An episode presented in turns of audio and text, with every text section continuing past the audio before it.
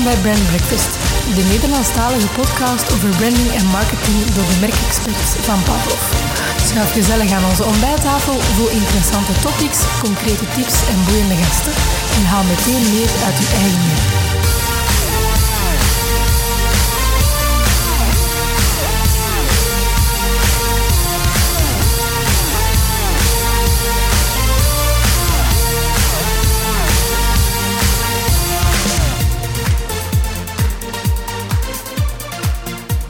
Welkom beste luisteraar bij een nieuwe aflevering van de Brand Breakfast podcast. Uh, deze keer gaan we het hebben over branding voor ouderen. Dat klinkt al meteen heel gewichtig. Ik ga zo dadelijk toelichten. Uh, wij zijn in het gezelschap van twee heren die daar, als alles goed is, alles over weten. Uh, hier bij mij aan tafel zit Philippe Lemaitre. Die is founder en partner bij Bureau 50 in België. Na een samenwerking, samensmelting ehm, van Bureau 50 in Nederland met zijn eigen communicatiebureau, de Silver Ones. Daarvoor was hij al managing partner en millennial family expert bij Trent Wolves.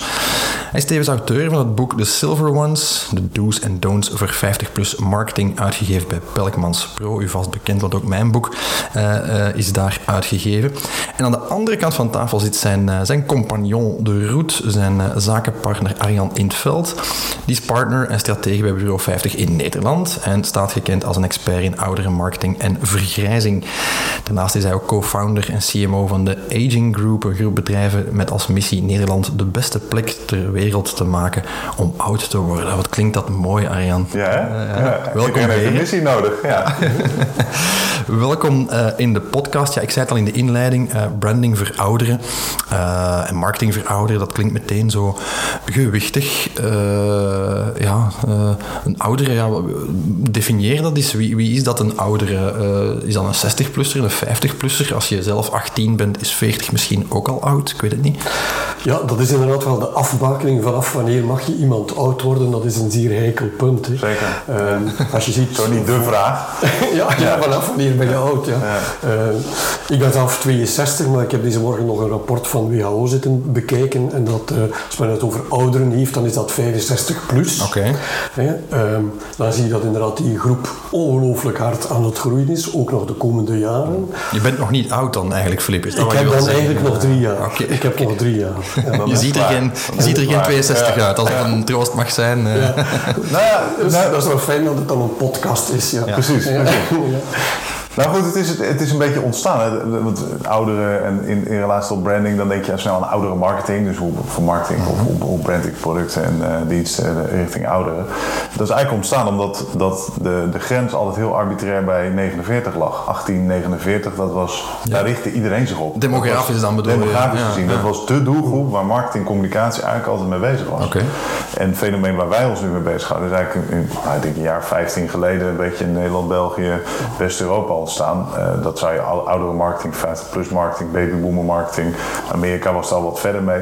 Is eigenlijk ontstaan vanwege die, die, die enorme vergrijzingsgolf die eraan komt met heel veel babyboomers. Dus die generatie net geboren na de oorlog, waar Filip net in het piepkleine staartje van zit. Want die is eigenlijk te jong. Eigenlijk ben je een generatie X'er.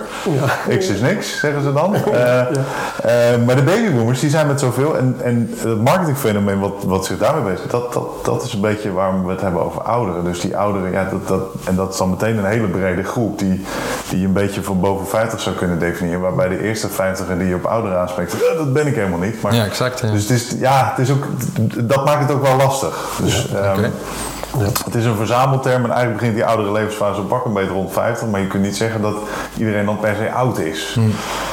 Ja, nee, want dat is, toch, dat is relatief. Hè? Allee, ja. ja dan, dan kom je ook bij het generatiedenken. Je verwees er ook al naar de babyboomers, de X'ers, de Y'ers ja. enzovoort. Um, op een bepaald moment was er iemand die mij vertelde van ja, het gaat hem eigenlijk niet zozeer meer over het geboortejaar, maar het gaat hem eigenlijk over de lifestyle.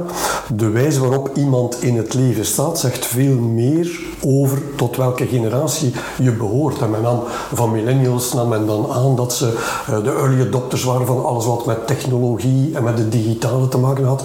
Maar je vond die even goed bij babyboomers. Natuurlijk. Ja, de dus iPad-revolutie. Ja. De iPad-revolutie, die je dan inderdaad vond. En dus het wordt moeilijker en moeilijker om eigenlijk te gaan segmenteren enkel en alleen op generaties. En dan kom je eigenlijk terug op leeftijd, op geboortejaar. En dan zie je dat er andere parameters ook beginnen spelen waar je ook best rekening mee houdt.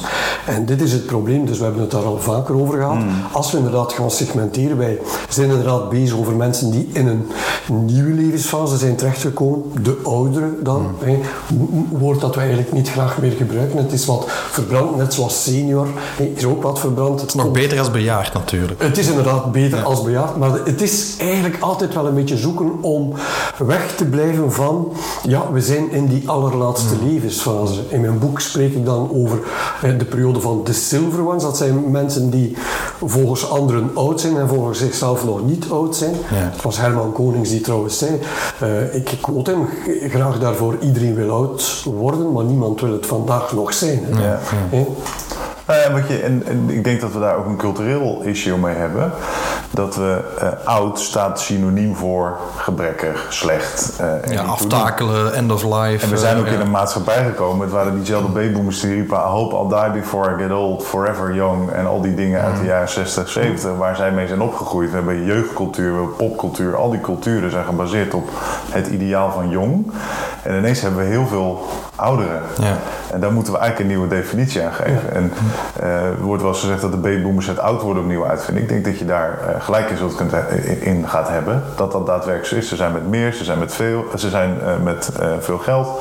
Ze zijn gezonder dan ooit. Er is sprake van een soort derde levensfase die daartussen komt. Ja, ongekend.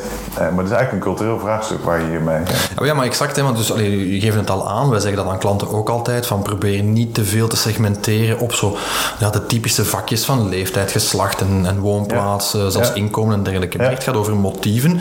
Wat onderscheidt dan de doelgroep waar jullie advies rond geven? eh, los van leeftijd dan? Wat zijn dan typische motieven? Zijn dat de clichés van eh, de empty nest syndroom? De ouders zijn, of de kinderen zijn het huis uit?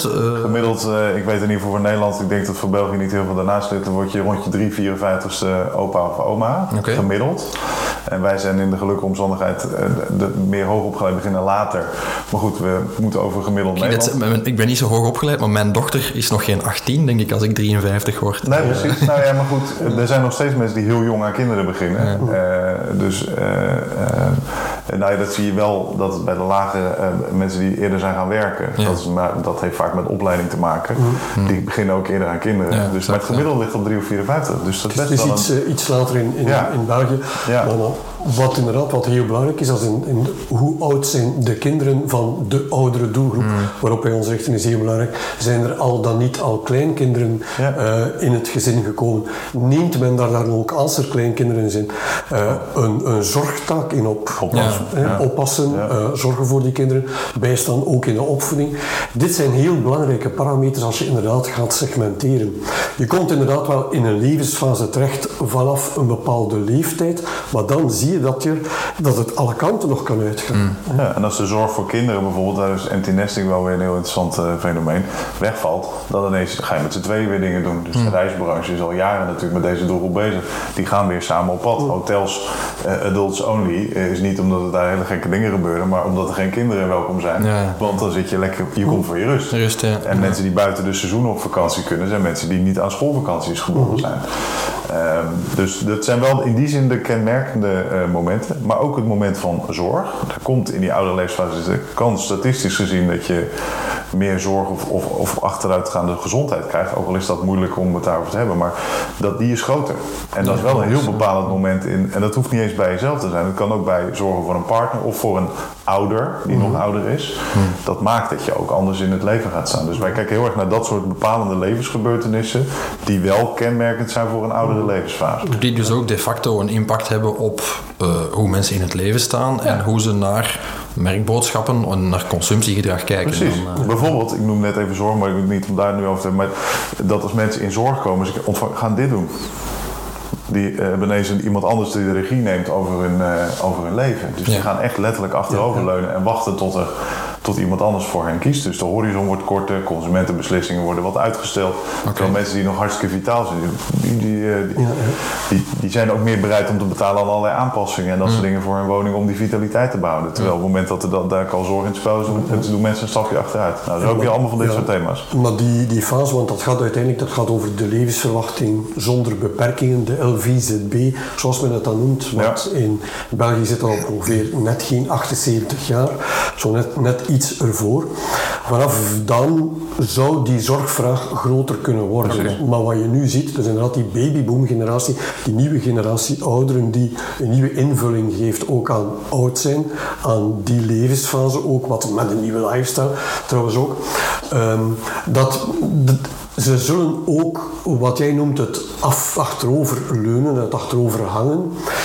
Denk ik, vermoed ik dat dit anders wordt. Men- Men staat er heel erg op, die nieuwe generatie ouderen, om die regie zelf van het leven in handen te kunnen houden. En dat is inderdaad iets waar de zorg nu mee voor een stuk ook op vastloopt. Ja. Omdat inderdaad, er wordt zorg geboden.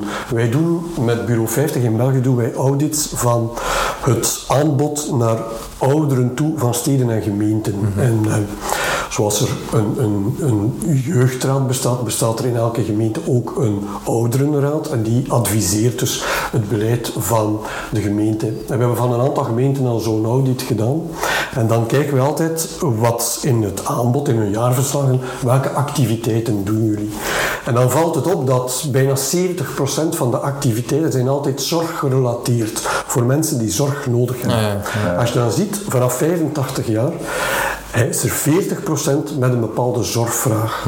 14% daarvan is opgenomen in een zorginstelling. Ja, dat dus dat is uiteindelijk, en alle focus, of binnen, ik overdrijf nu, 70% van het aanbod van bepaalde steden en gemeenten gaat naar die groep toe. En dat heeft ook weer te maken met vooroordelen die we hebben over oud. Want Ik ging net zeggen, er dat is, toch- dat is toch puur clichés? Als, als wij ons inbeelden, iemand die oud is, ja, dan, dan maar dat, daar de- snij je een heel wezenlijk punt. Clichés is het, het allerbelangrijkste wat wij te doen hebben, iedere dag weer, bij welke klant dan ook. En, en er zijn echt mooie cases. Ehm, of het is de jubelende babyboomer, Ja. als in dat we een heel romantisch beeld hebben bijna van, of een ideaal beeld van de babyboomer die maar geld over de balk smijt en dan bij ons komt doen. Ja, ja. Of het is de kommer en kwel, eh, zorgbehoevende- hele na de zorgbehoevende ouderen. En dat beeld wordt er al jong ingeslagen. Vraag aan je eigen kinderen Natuurlijk, om ja. een oud, oud iemand te tekenen. En die tekenen iemand met een stok, Ja. krom staat of met een rollator. Dus Exact. het zit in ons al, al ons denken. Dus het allerbelangrijkste wat we doen, los van of het over ouderen is eigenlijk nuance brengen. Jij met je merk met je product, wij gaan met je nadenken. eh, eh, eh, wat, welk type ouderen bij jou past of hoort, of hoe mensen naar je kijken. En, eh, en hoe je die dan uiteindelijk in hun belevingswereld eh, eh, kunt raken. Ja, ik neem aan dat dat cruciaal is. Hè. Allee, wat hebben we nu gezegd de afgelopen tien minuten? Ja, er bestaat niet zoiets als de ouderen. Hè. Daar zijn we het dan, dan met ons gedrieën alvast over eens. Ja. En er zijn een hoop clichés. Hè. Je ziet dat zelfs doorschemeren in het beleid van steden en gemeenten, zoals. Filip net aanhaalt. Ja, op zich is het dan ook niet onlogisch dat merken, denk ik, misschien vanuit die vooringenomenheid of die verkeerde visie op die doelgroep, of, of het idee van ja, dat is één segment vanaf eh, 65, bam, Ja. hè, dat zijn de vanaf ouderen. 50 zelfs. Of vanaf 50 zelfs. Eh, ja, dat, dat zorgt dan dat die mensen zich niet aangesproken voelen door veel merken, of zie ik dat verkeerd? Ja, het is of te betuttelend, of te zorgelijk, of te oud, of te kwetsbaar. Terwijl het vaak, net zoals jij en ik, gewoon normale consumenten zijn die alleen ietsje ouder zijn en in een andere fase zitten en misschien net even andere wensen hebben, een ander bestedingspatroon. Dus je moet, je moet vooral dat beeld omdraaien. Dat Ja. is het allerbelangrijkste om, om te doen als je met oudere doelgroep aan de gang gaat. Ja. Oké. Ja, het is wel heel, als wij ehm, workshops doen bij bedrijven waar we gaan zoeken naar wie is nu die oudere klant, dan maken we altijd personas op. En dan begin ik altijd met de vraag van, ehm, met opzet noem ik dan ook, spreek ik over 50 plus dan. En dan vraag ik, eh, teken eens een aantal voorwerpen die horen bij 50 plus. En dan kom je inderdaad bij de clichés van de schommelstoel, de krulspelden, de wandelstok en de poes op de schoot. Dan krijg je dit Ja, soort bij de volgende vraag, Ja. eh, ken je eh, vitale ouderen in jouw omgeving? Ja! Nou, en dan krijg je ineens andere voorbeelden Ja. van, Ja. oh ja, maar mijn vader, ja, 72, nou die is nog zo fit. En, eh, Ja, ja. Oh, en, ik, en mijn buurman van van 84, ja, die is nog over wereldreis geweest. Dat Maar zijn de uitzonderingen dan. dat zijn de uitzonderingen. ja, ja, ja. Maar niemand heeft door dat de regel inmiddels de uitzondering is. Of de uitzondering de regel. Ja. En als je dan vraagt, als, als dan de dan komen, Ja. dan hang je die op en dan vraag je, ja, en, en eh, jouw vader, jouw moeder, hoe oud is die? Ah, die is 55, die is 60 en zo. En beantwoordt die, nee, nee, nee. Die helemaal niet, ja, die maar is niet, ja. Maar, maar, maar dit is eigenlijk wel de reflex die we hebben als we, van zodra dat we in, het kan, in een kantoorsetting komen en dat we zeggen, we gaan nu een product maken voor ouderen. Hmm. En als je dan vraagt, wie zijn die ouderen? Dat is dan 50 plus. En dan komt men inderdaad, dan komt men af met de smartphone met grote toetsen. Juist. Als je vraagt aan studenten, wij begeleiden nogal wat studenten ook, als je vraagt aan studenten, ehm, wat hebben ouderen nodig? Dat zijn alle soorten technische devices, maar vooral groot. En om die onbehulpzame ouderen te kunnen helpen. En als je dan refereert naar hun ouders en naar hun grootouders, dan zijn altijd de uitzonderingen. Dat is vreemd, maar binnen de muren van een kantoor sluipt er blijkbaar iets binnen waardoor elke voeling met Ja, de realiteit die tunnelvisie, ja. Ja. Ja, dat is een beetje eigen aan een klassiek segmentatieproces, denk ik. hè. Je probeert om het u als marketeer of als onder- organisatie makkelijk te maken, probeer je een soort van vakje te creëren, denk ja. ik. Want Ja. we zien dat bij andere Ja, doelgroepen ook. Hè. Als je, ja. eh, eh, en dat is misschien, misschien een, een, een logische vraag die ik jullie kan stellen. Hè. Ja, we doen dat net zo goed voor millennials bijvoorbeeld. Van, ja, die zijn bewust met dat en dat en dat bezig, die vinden dat belangrijk, die hangen die en die waarden aan. Ja. Kunnen we dat zeggen voor, voor ouderen ook? Dat is- Exact. zijn daar ook eh, dingen die je algemeen kan nemen? En we hebben er- Namens in ieder geval de babyboomer, Generation X en dergelijke meer. Nou ja, in de algemeenheid, ik durf best wel dingen te zeggen, maar nogmaals, het is zo'n enorme doelgroep. Ja, tuurlijk, Dan ja. hebben we, eh, de, de helft van de bevolking is inmiddels 50 plus in de meeste westerse landen. En straks eh, zo'n Van de volwassen bevolking. van de volwassen bevolking. Ja. En, straks is zo'n 30, 40 procent zelfs nog ouder. Ehm, eh, en eh, wij zitten in een zogenaamd super aging land. Dat zijn er 34 in de wereld. Daarvan is straks tussen de 20 en 25 procent zelfs 65 plus van je totale bevolking. Ja, dat is heftig. Ja. Mega. Dus daar kan je bijna niet over algemeenheden eh, zeggen. Wat je wel weet, bijvoorbeeld als het gaat over merken, dat vaste merken, naarmate je ouder wordt, ga je daar meer op leunen. Want je weet wat je krijgt. Toch loyaliteit dan, ja? Ja, maar dat wil niet zeggen, en dan krijg je dat merktrouw iets is wat altijd er is. Nee, met goede argumenten ben ik te overtuigen. Toyota Prius bijvoorbeeld eh, werd heel erg gekocht door met name ouderen in, in het, eh, eh, toen die gelanceerd werd. Op argumenten, een zelfladend zonnedak, en weet ik wat allemaal in die auto zat. En value for money. En ineens zijn daar, daar hele notoire Mercedes, BMW-rijders zijn overgestapt naar Prius en later ook naar Tesla. Want het is nieuw, het is innovatief en dan krijg je toch weer de voorliefde voor gadgets, et cetera. De iPad-revolutie, een hele groep die een computer nooit heeft aangeraakt, is toch met die iPad meegegaan van Apple, van het product wat ze daarvoor... Nou, Apple stond in de kantoorwereld in de jaren 80 stond het synoniem voor de creatieve en weet ik niet. Ja, exact. Buiten dan, in de jaren 90. En het was Windows wat de klok sloeg. En toch is een hele grote groep ouderen overgestapt naar Apple. Dus die merktrouw die is er niet. Maar toch weten we ook dat mensen meer gaan leunen op vaste merken. Wij noemen dat in Nederland de Douwe Egberts effect. Eh, als in de, de ouderwetse eh, koffie waar je naar terug gaat. Maar dat is er daadwerkelijk wel. Is dat dan veiligheid? Dat ze Eh, zoeken?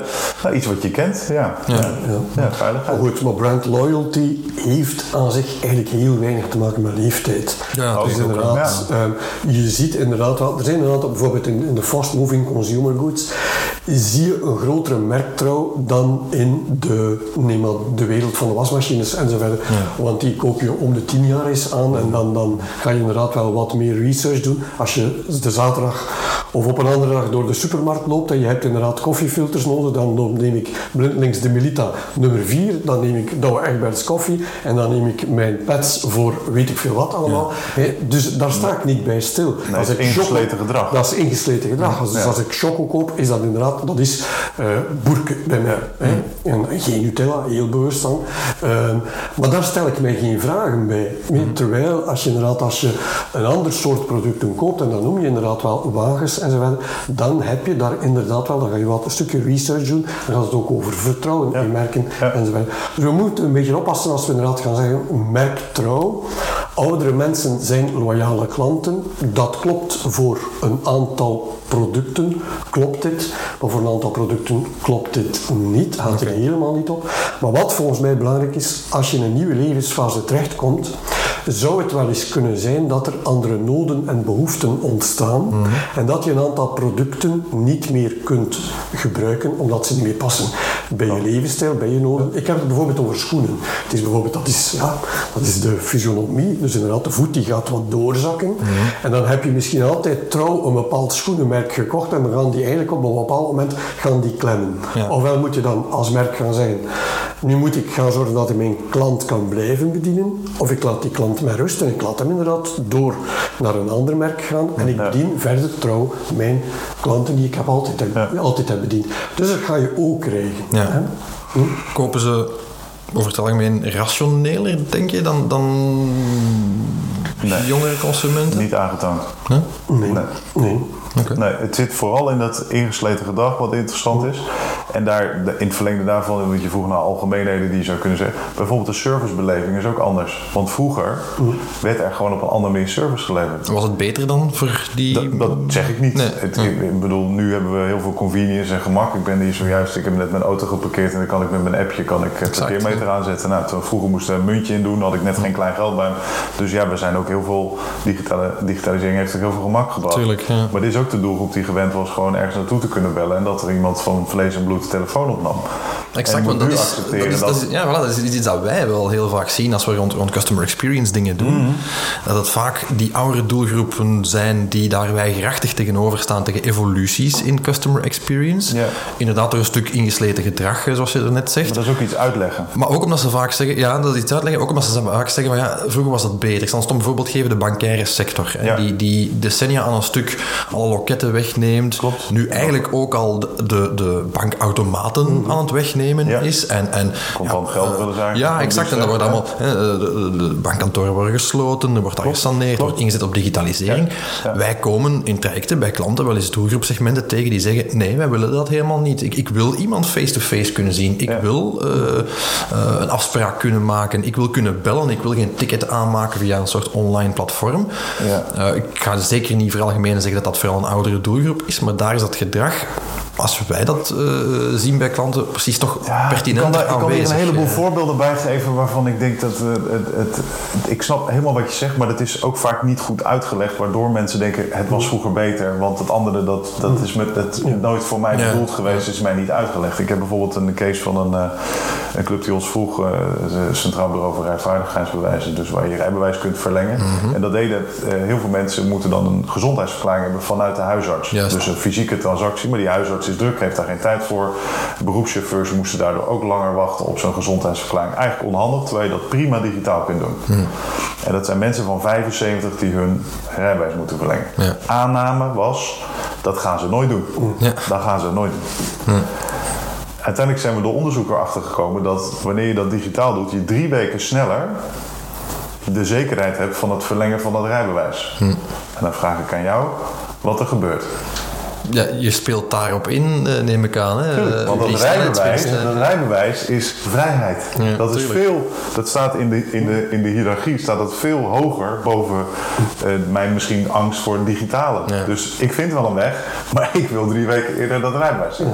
En ik denk dat er zo genoeg voorbeelden zijn waarbij eh, die oude servicebeleving of hoe het was helemaal niet per se beter is. Maar op het moment dat je iets vindt waardoor je het mensen wel kunt uitleggen. En vaak zit dat in het functionele of in iets wat ze nog belangrijker Ja. vinden. Dat is, sluit ook weer aan bij het ingesleten gedrag. Hè. Ja, 100%. En, maar wat je natuurlijk ook wel krijgt, wij denken altijd als er een nieuw innovatief kanaal komt, dat dit in de plaats komt van het oudste. Dit is niet zo. Dus inderdaad, er zijn, we hebben de telefoon, we hebben print, we hebben eh, online via onze computer, we hebben appjes op onze smartphone enzovoort.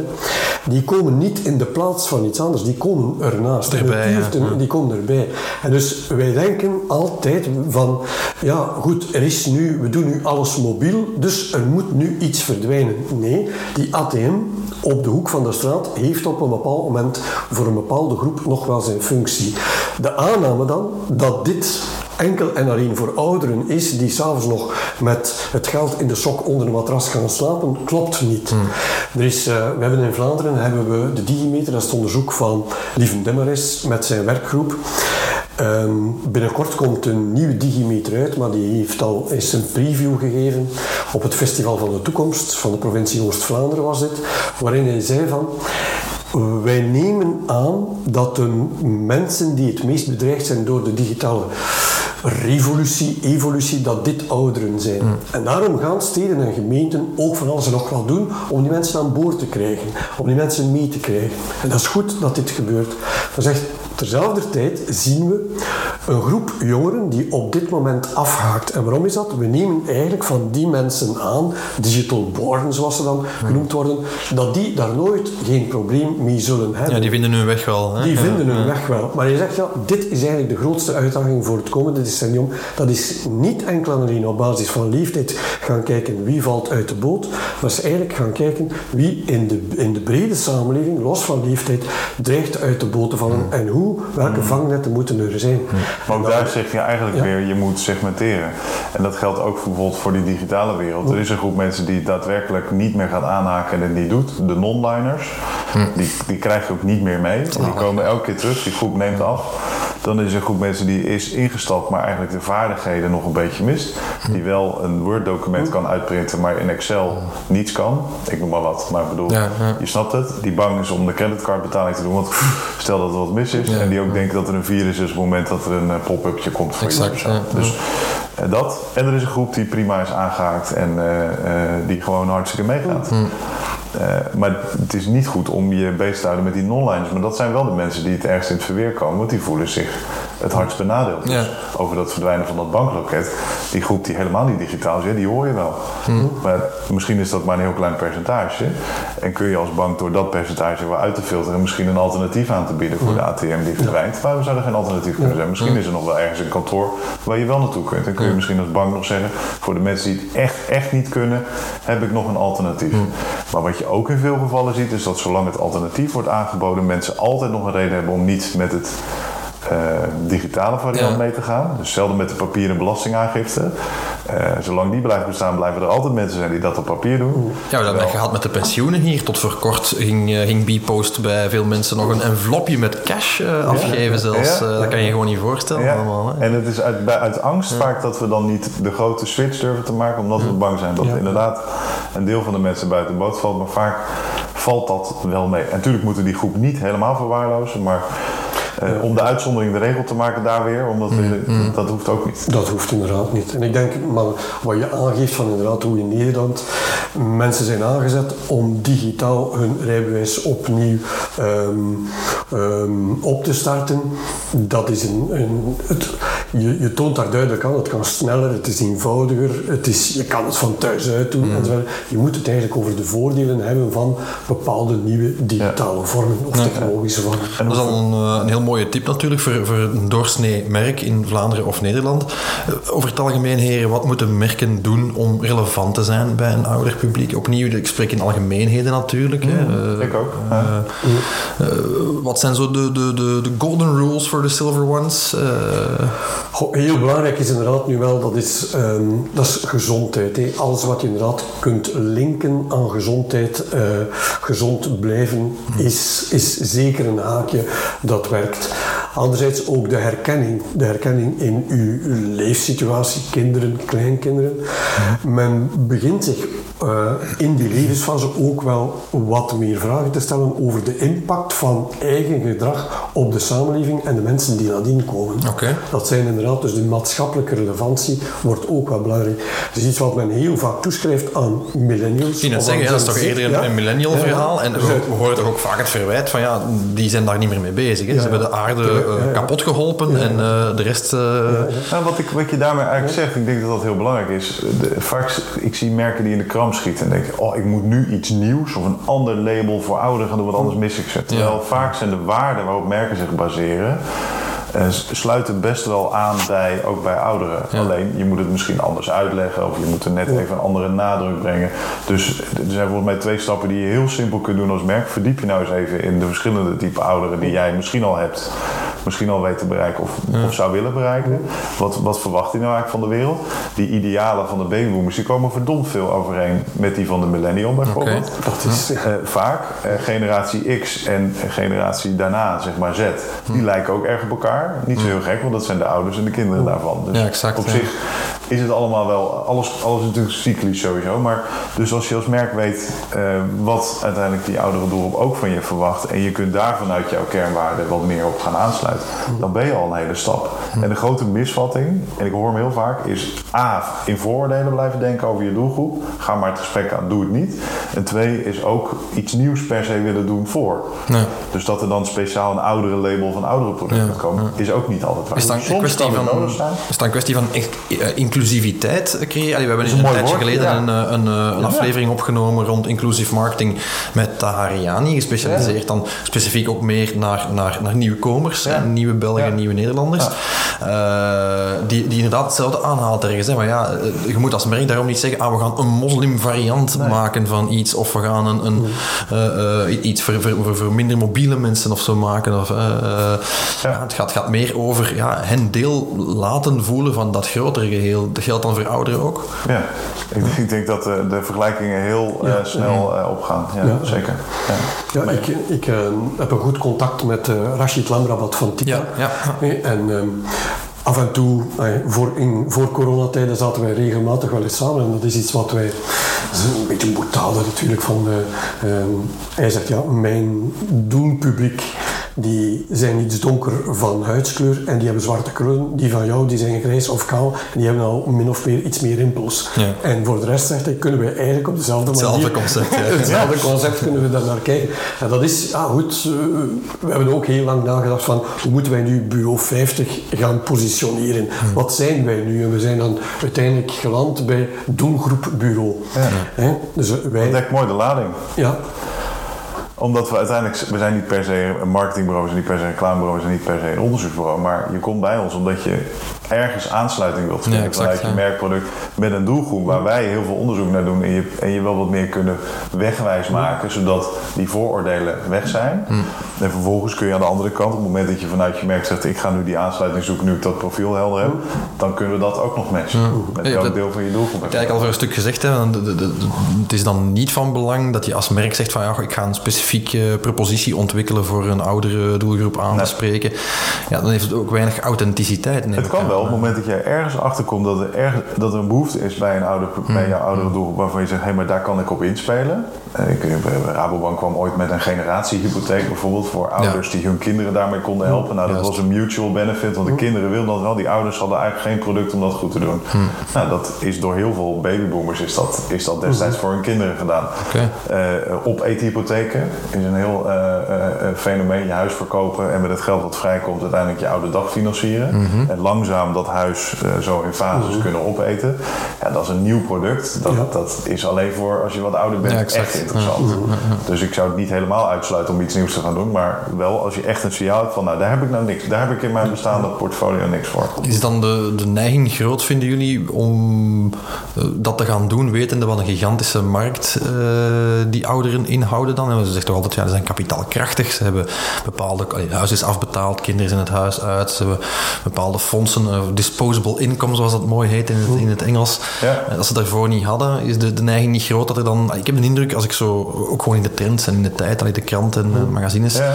eh, van alles lees, dan denk ik, ja, er wordt toch wel heel erg veel ontwikkeld waar misschien ook gewoon geen nood aan is. Ik weet het niet. eh. Dan kom ik weer terug op het eerste. Verdiep je eerst in die doelgroep. Want heel veel dingen eh, zijn niet op een vraag gebaseerd, maar op hoogstens een ergens misschien gesignaleerde mogelijke latente Ja. behoefte.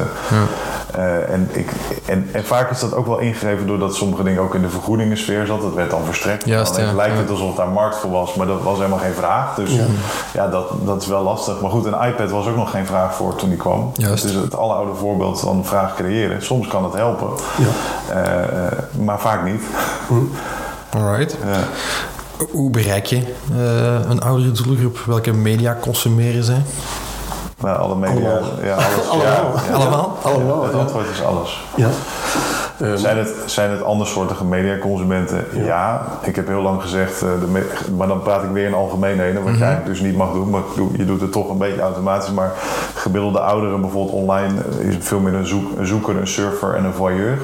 Eh, eh, zoeken naar informatie, surfen omdat de wonderenwereld van online heel veel te bieden heeft. En voyeur om te kijken wat anderen binnen social Ja, media ja. aan het doen zijn. Nou, dat is een beetje achterhaald, want het bijdragen aan social media, en zeker Facebook, is ook inmiddels eh, bij eh, onze doelgroep wat, wat meer. Ik, ik zou bijna durven stellen dat we vijf à tien jaar soms achterlopen in, eh, een, een nieuwe platformen. Dus eh, Instagram en Snapchat en dat soort dingen. en, en TikTok, daar zijn we nog niet eh, aan beland. Nu Maar zie je Instagram begint te komen. Instagram. Insta, Instagram is is, echt- het- is, ja, is Insta- razend populair. hè. Dus de wereld... De Grandfluencers. De Grandfluencers, eh, ja, waar we ja, het over geschreven hebben. Ja, Dus- veel hoor. Ja, ja. Wat zijn dat- grandflu- influencers, maar dan grandparents? eh, Ja. Ja, of, of, Ja, of ja. grannies. eh, Maar een beetje, een beetje geuzennaam geworden. Want, maar er zijn best wel veel eh, oudere influencers. Ja, Ook, ook, eh, en, dat, en die hebben ook wel heel veel jongeren trouwens. Die daar eh, dan weer, dat dan ook wel weer leuk vinden. Dat is het inderdaad. Ja. Ja. Maar er zijn er best wel veel inmiddels. Ja, Ja, ja. Oké, cool. Ja. Maar dus ze zijn overal ook, eh, dat is ook wel iets wat je hoort over Facebook natuurlijk, van ja, het is niet meer hip sinds mijn oma er ook op zit. eh. Ja. Dat is het natuurlijk wel. Hè. Ja. Soms vertel ik over Facebook van ja, jongeren plaatsen in de etalage wat ze doen. En ouderen staan voor die etalage te kijken naar wat jongeren doen. Maar het is inderdaad wel, en je ziet wel een afname van jongeren die, wat, die, die meer afwezig blijven op Facebook, die andere kanalen ook gaan opzoeken. En je ziet inderdaad wel dat een oudere generatie, maar dan zijn we natuurlijk heel sterk aan het veralgemenen is, iets actiever wordt en betekent dus ook een bijdrage. Dan leveren ook een aantal zaken gaan posten. Dit is een duidelijk voorbeeld dat er geen afzonderlijke kanalen moeten gemaakt worden. Die vinden wel de weg naar die kanalen. Maar dan zie je wel dat een bepaalde groep ook daar weer van vertrekt. Met name dan voornamelijk aangedreven door jongeren, Ja. die het niet zo fijn vinden. Het, is altijd, het is altijd een beetje geven en nemen. En er zitten wat tegenstellen in de Ja. ontwikkeling ook. En bijvoorbeeld de lineaire tv-kijker is 59, om en nabij. Mhm. Dus het normale tv-kanaal. Ja, het lijkt mij ook weer zo'n cliché te zijn dat men meer printmedia, Ja, eh, lineaire tv. eh, lineaire eh, televisie. Print is eh 60% van krantenabonnees. Eh, print weten we gewoon meer dan 60% is 50 plus inmiddels. Dus, Ingesleten- ook ingesleten gedrag ook komen we terug. Ja, want het is gewoonte. Ik ben dat zo gewend, dus Ja. ik vind dat fijn. Het journaal kijken op het vaste, dag, of vaste moment van de dag. Terwijl jongeren eh, komen meteen in een andere wereld. Die doen dat niet. Die, die kiezen hun eigen weg en die stappen daarvan af. Terwijl ook de grootst groeiende groep in VOD-platformen, eh, Netflix en maar ook allerlei andere niche-platformen, is ook 50 plus. Oké. De snelst groeiende groep. Dat is de snelst groeiende groep van streamingdiensten. Dus eh, nou, het zijn twee ontwikkelingen. Want zowel lineair draait nog daar, maar ook die andere groep. Komt het dan in, in elkaars plaats? Nee, ik zie lineair niet per se bij die doelgroep enorm afnemen. Dus het is NN. Oké. Ja, ja. Het is inderdaad, ik zie dat ik, ik heb nog een krantenabonnement. En ik zie mijn zoon die 22 wordt, geworden is, ehm, die, als, wij, als ik het over bepaalde artikels uit de krant heb, altijd zegt van, ik heb dat ook gelezen. Ik heb die in de voorbije jaren nooit een krant zien openen. Op Twitter Nee, waarschijnlijk zien passeren. Ja, dat is en, eh, ja. Ja, maar Ja, linkjes via- worden overal ja. LinkedIn. En, weet je, Ja, bedoel ja. je, ja, En, de, en de kranten hebben tegenwoordig allemaal redelijk poreuze betaalmuren. Dus je kunt ook nog wel een artikel lezen zonder dat je er abonnee van bent. Tuurlijk, met dat Een van aantal. papa, ja. Of het abonnement van papa. Ja, nee, dat, dat werkt dan wel. Ja. Nog zo'n cliché, hè? Nou ja, dat is grappig. Wij werken bijvoorbeeld eh, voor Sony, eh, de Sony Music, eh, om even een zijspoor. Maar die komen dus achter dat ze eigenlijk vanuit Spotify-data bijna niet weten wat voor muziek 50-plussers luisteren. Terwijl de grootste groeigroep op streamingdiensten, ook 50, eh, Ja. als Spotify, Ja. is 50-plus. Dus we zijn al met ze bezig geweest van, om daar wat meer inzicht in te krijgen. Want je ziet bijvoorbeeld bij 50-plus ook heel veel eh, eh, hip-hop en R&B en weet ik het allemaal ertussen. Nou, of ze luisteren daar zelf naar, maar vaak is het dan toch het familieabonnement. Ah, zo, ja, ja. Waar het hele gezin op luistert. Dus dat is, dat is toch vervuilde data. Waardoor de data scheef Waardoor de getrokken data is, eh. scheef loopt. Ja, dat is wel dat is interessant. Dat is wel, jij zegt Ja. nu van de, van de papa's die dan aan de, de zonen die het abonnement van papa gebruiken. Maar dat is dan daar toch wel in, eh, aan Ja, ik, ik, ik verbaas me nog steeds dat ik eh, advertenties zie passeren voor cd's, eh, muziek-cd's. Ja. Ja. Grote markt nog voor. Eh, ja. DVD's. Ja, toch, hè? Ja. DVD's. Ik ben, eh, wij zijn ook eigenaar van een Nederlandse televisiezender. Mhm. Eh, Nostalgie. Dus wij zenden heel veel oude programma's uitbrengen met eh, nou ja, de, de, de, de, de tv-sterren van wel eer, zullen we Ja, maar zeggen. En ik krijg nog wekelijks vragen of we bepaalde dvd's nog in huis hebben. Alright. En we hebben nog een klein voorraadje eh, van dingen die we Ja. eh, bij de- inmiddels heel veel ook weggedaan. Want je hebt er niks aan en het ligt, het ligt te liggen. Maar we krijgen nog vragen. Ja, ja. Maar dat- bewijst Maar dat zijn ook de laatste gewoontedieren die nog een dvd-speler hebben. Ja. Ja. maar dus dat bewijst maar dat je een bepaalde tijd zit je altijd met nieuwe kanalen die erbij komen voor en het duurt een bepaalde tijd voordat hier eigenlijk oude kanalen helemaal uitgeradeerd zijn. Als ze geen meerwaarde meer kunnen bieden, dan gaan ze inderdaad wel verdwijnen. Nou, Maar er is altijd een bepaald moment dat er maar meer en meer en meer kanalen zijn. En in print zit nog echt wel muziek. Eh, Wij, verkopen, we, we doen echt wel ook wat in media. En daar bereiken is een interessant onderwerp. Maar bijvoorbeeld een, een Nederlands magazine Saar eh, is voor de 50-plus vrouw, maar dan een beetje stoerder en brutaler. Dus dan mag het wel gaan over of je partner nog eh, met je, Ja. eh, of dat nog gaat gebeuren deze week. Ehm, eh, eh, die doen het heel goed. Die groeien als, die groeien als school. Eh, in print. Abonnees. Ze gaan van vier keer per, naar zes keer per jaar nu. Eh, eh, zes edities. En hebben ook een enorme grote online community daarachter. Dus dat- daar weer en en.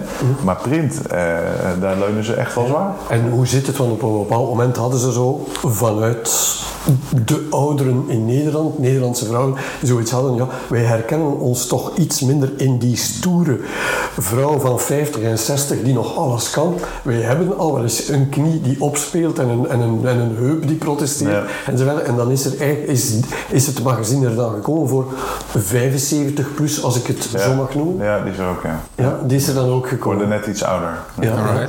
Maar goed, er is dus blijkbaar nog, Ja. ook in traditionele media, ook nog wel ruimte. Ja. En ook in de nieuwe media. Dat maakt het wel interessant om, Ja. om te bereiken. Want waar, waar vind ik ze? Ja, je vindt ze eigenlijk in dezelfde kanalen als eh, alle andere mensen. Maar er zit wel wat nuance in. Ja.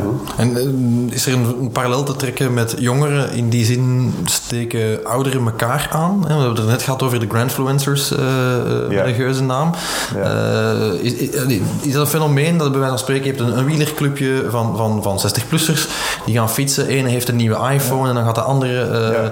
een keer kijken wat ermee kan. ik en zie genoeg toch, onderzoek en wij, wij maken er ook wel dankbaar gebruik van, waarbij het sociale kringetje van een aantal mensen waarvan je, je hebt altijd een buurman die veel van auto's weet. Ja. Er is altijd iemand in de familie, oh jij weet toch al veel van gadgets? Nou, zo heb je, naarmate je ouder wordt, heb je altijd wel van die mensen? Ja, van die informele netwerk. Ja. En, en die zijn van zeer groot belang in, eh, in de beïnvloedingssfeer. Ja, toch? Ja.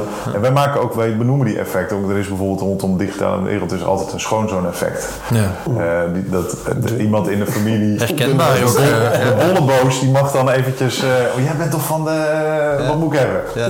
Dat. En die zijn heel erg belangrijk. Eh, eh, of de oudste dochter, die dan vaak in een eh mantelzorgsituatie, ook bij het verkoop van het huis of verhuizen, die dan toch vaak die rol op zich neemt. Ja. eh, om voor pa en ma dan even mee te denken. Nou, ja, jij- in jouw geval was jij bij jouw ouders, maar Ja, ja, jouw vrouw dat is- waarschijnlijk ook wel een ja, grote dat rol. is inderdaad. Ja. Ja. Ja. Nou. Nu, en en ehm, je, je ziet het inderdaad ook wel een, een, omgekeerde beweging. Ik kreeg overlaatst een mailtje van iemand die zei: ehm, Als er een nieuw operating system op mijn Mac moet geïnstalleerd worden, dan krijg ik van mijn vader een appje. eh, heb je al het laatste Ja, ja. systeem? Al, en zijn vader is eind 80. En dan, dus dat, dit maakt het inderdaad wel een stuk moeilijk om enkel en alleen op basis van die leeftijd bepaalde gedragingen te voorspellen, omdat leeftijd een heel slechte raadgever erin is. Ja. Maar goed, we, komen daar weer op. Nou, en in onderzoeken Ja. zie je dat voor sommige, van sommige apps ouderen daar veel meer gebruik van maken dan andere doelgroepen.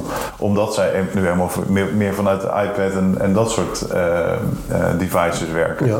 Bijvoorbeeld een app als buienradar of dat soort dingen wordt veel meer gebruikt door, eh, door een oudere doelgroep. Alright. Dus daar zie je alweer hele andere trends ook zelfs. Ja. Zijn er merken waarvan jullie zeggen dat zijn nu echt uh, goede voorbeelden van merken die het goed doen, die, die, die op een goede manier die ouderen aanspreken, misschien ook andere doelgroepen? Eh, dan gaat dat voornamelijk over beeldvorming. Ehm, er zijn, als je mensen in hun waardigheid voorstelt, ja, dan heb je natuurlijk een puntje voor. Maar dat gaat eigenlijk over alle leeftijdsgroepen, dat gaat over alle doelgroepen. Als je je klant, je consument, je gebruiker, je lid eigenlijk in zijn waardigheid naar voren schuift, dan doe je dit inderdaad wel goed. Het authentiek ook neem ik aan. Ja, ja, ja. op een bepaald wij, we zijn met Bureau 50 hebben wij intussen twee jaar geleden eh, meegedacht met de reisorganisatie Intersoc van de christelijke mutualiteiten om hun charme-reizen, dat waren de reizen ontwikkeld of het aanbod bedoeld voor de oudere reiziger, een update te geven. Want men stelde vast, men had geen probleem, die reizen lopen nog altijd of liepen nog altijd goed vol, tot corona daar eh, tussen kwam. Ehm, maar men vreesde een beetje dat een nieuwe generatie ouderen, die 50ers, die 60ers, die vroeger de instroom was naar die charmereizen, Hmm. men zag die niet komen. Waardoor dat mensen inderdaad langer gezond blijven, langer actief blijven. Tekende zich dat niet af in de cijfers. Die reizen zaten altijd goed vol. Maar wij hebben daar nieuwe reisconcepten ontwikkeld. En de wijze waarop dat die zijn voorgesteld naar die doelgroep, dat zijn nu ehm, twee typen reizen die eigenlijk modulair kunnen ingevuld worden. En dat speelt veel beter in bij een nieuwe generatie ouderen die, in de, die nog eh, de regie van hun leven in handen wil houden, die zelf keuzes wil maken, die wel een geleide reis wil, maar het gevoel wil krijgen van... Dat ze het zelf in handen Ik heb het zelf al ingevuld. En, en dat hebben ze op een hele goede manier ook in de markt geplaatst bij een groep die inderdaad de voorkeur geeft aan een veilige, geleide reis. Juist. Ja, dan is het wel goed gedaan. Ja. Ik denk dat je in de algemeenheid wel kunt zien dat de reisbranche het goed door heeft. Die draait al jaren heel erg goed op. eh, we hebben voor, eh, ook voor krasreizen. Dat is inmiddels, eh, het merk is, bestaat niet meer, want het is in TUI opgegaan. Dat is natuurlijk de grote, eh, maar die hadden vorig jaar als payoff blijven ontdekken. Dus veel meer inspelen op van hoe oud je ook bent en wat, je, wat er ook... is je altijd wat wilt- nieuws, ja. Er is altijd iets nieuws in de wereld. ja. Dus ijzersterk. Eh, hebben daar goed mee gescoord. Ja, toen kwam corona natuurlijk en eh, ging de reisbranche onderuit. Maar die reisbranche is altijd heel goed en de financials doen het eigenlijk ook goed. Die snappen gewoon dat fases in het leven ander soort producten vragen. En ik vind de Rabobank vind ik er altijd heel goed in. Dat het niet per se die kwetsbare ouderen wordt, maar wel een, eh, ja, gewoon een vitale. En dan gaat het ook over de zoon die of de vader die bezig is met zijn zoon over bedrijfsopvolging. Herkenbare situaties uit het leven gegrepen. Dan doe je het eh, goed en niet te cliché. Ja. Je ziet het ook wel in de Nationale Nederlanden, die nu een hele campagne lopen ja. heeft. Ja. Ehm, Belfius bij ons dan ehm, is ook heel hard aan het inzetten Ja. inderdaad op de vergrijzing, de verzilvering. eh, En corona heeft ook een paar pareltjes opgeleverd. Vond KPN heel sterk. Eh, Telecom in Nederland. eh, die hebben eh, de, de opa's en oma's die aan het beeld bellen waren met de kleinkinderen. Ja, dat is echt uit het... Dat is ook weer uit het leven gegrepen. Maar Ja, dat die op hier dat ook van Telenet en Proximus Ja, spelen ja. daar ook op in. Maar dat is, eh, toch, dat is mooi toch? Dat is heel menselijk. Het is Het waren niet de oude mensen. Het waren echt wel op, en opa en oma niet als infantiel neergezet. Eh, we hebben ook nog campagnes gehad in het verleden over internet. En dan was het muis in de rechterbovenhoek. En dan deed iemand letterlijk zijn muis zo. Ja, dat. ja, Eh, die hebben we ook gehad, een jaar of 15 geleden. Daar zijn we vanaf. Ja. Dus Ja. de, de cliché stumper ouderen die Ja, niet ja. kan omgaan met. Ik vind dat we daar met corona echt wel een paar mooie Ja, ja, campagnes ja, van hebben ja, gezien. ja. Goed, mooi. Ja, dan is corona voor de, de oudere eh, burgers van onze misschien toch, nog- toch nog wel wat Sowieso, moois. ja. De animo voor ouderen is door corona enorm toegenomen. We oh, hebben allemaal ineens met de neus op de feiten gedrukt, gezien dat er zo vreselijk veel ouderen zijn. En dat we niet kunnen zeggen dat alle 70-plussers automatisch kwetsbaar zijn en binnen moeten blijven. Ze zijn zelf in het verweer gekomen ik, ik, ik ben niet kwetsbaar. We hebben gezien hoe dat in de ziekenhuizen aan toe gaat. Dat vergrijzing daadwerkelijk een vraagstuk is waar we met z'n allen mee bezig zouden moeten zijn. Met we hebben eigenlijk gezegd, 30 jaar na de ontdekking van de hemel krijgen we nu de ontdekking van de ouderen. Okay. Mulisch, dat was 33. Dat is inderdaad de ontdekking van de ouderen, Maar het is inderdaad, de ouder is heel prominent aan bod gekomen. En het was eh, de Nederlandse columniste um, Zwagerman, die inderdaad die het over eh, het dorre hout had. Hm. Maar dus, eigenlijk was het een goede zaak dat ze het schreef. Hm. Er is heel veel reactie opgekomen. gekomen. tot een, een, een, lezing gegeven een aantal weken geleden, waar ik een beeld gebruikte van hoe een nest wordt gemaakt. Hm. Hoe vogels een nest bouwen, inderdaad met dorre takjes. Die dorre takjes hebben inderdaad ook hun functie Ja. in de samenleving. Het heeft ons echt wel doen nadenken over een samenleving die veroudert, een bepaalde groep die zorg zal nodig hebben, een andere groep die zorg zal kunnen geven.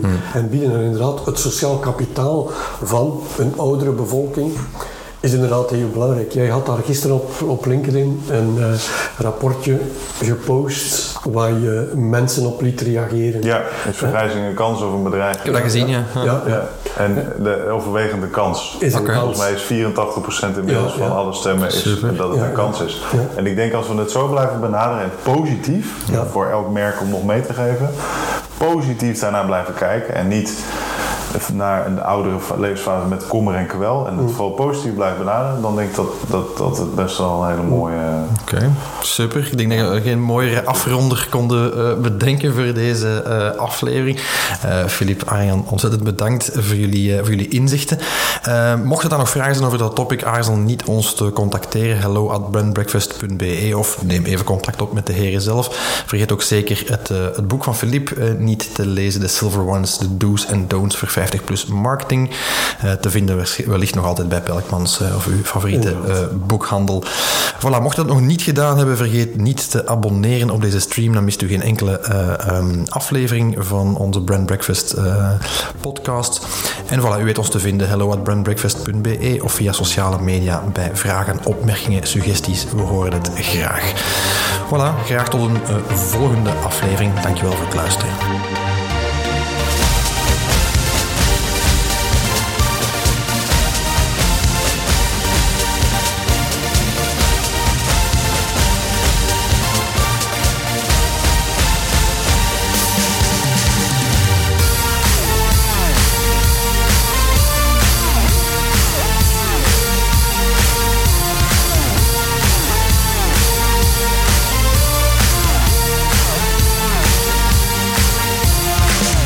Brand Breakfast voor deze aflevering.